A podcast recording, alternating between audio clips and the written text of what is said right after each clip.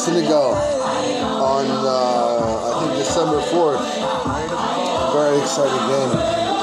It's going to be an exciting game. I think the Senegalese have done enough to get with get through the group stages without Sadio Mane. Sadio Mane, one of the greatest players that came out from Senegal, scored so many goals for Liverpool and, and now moving on to Bayern Munich, one of the best players I've seen in my lifetime. I wanted to say that uh, the Senegalese are looking like a strong team, like a very fit and strong team coming out through the marathon. Ecuadorians, uh, just a phenomenal performance by the Senegalese, and, and getting through the hosts of Qatar, just a phenomenal performance. Obviously losing the game to to the Netherlands, but having a few chances to create some uh, uncertainty there in the game.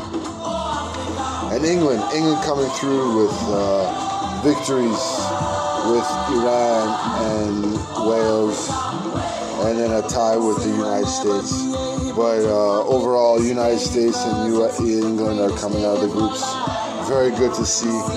It's just been phenomenal to see that England is performing at a peak level again, and then a team that's won the 2000 uh, was runner-up at the 2020-21 Euro European Championships. A team that's doing a phenomenal job, just a phenomenal job. I, I think England can do a, can do some damage here, but Senegal can upset the the fans here too. Uh, uh, they can do some uh, they can do some surprising here. It's a very tough test for England. I think it's one of the toughest tests.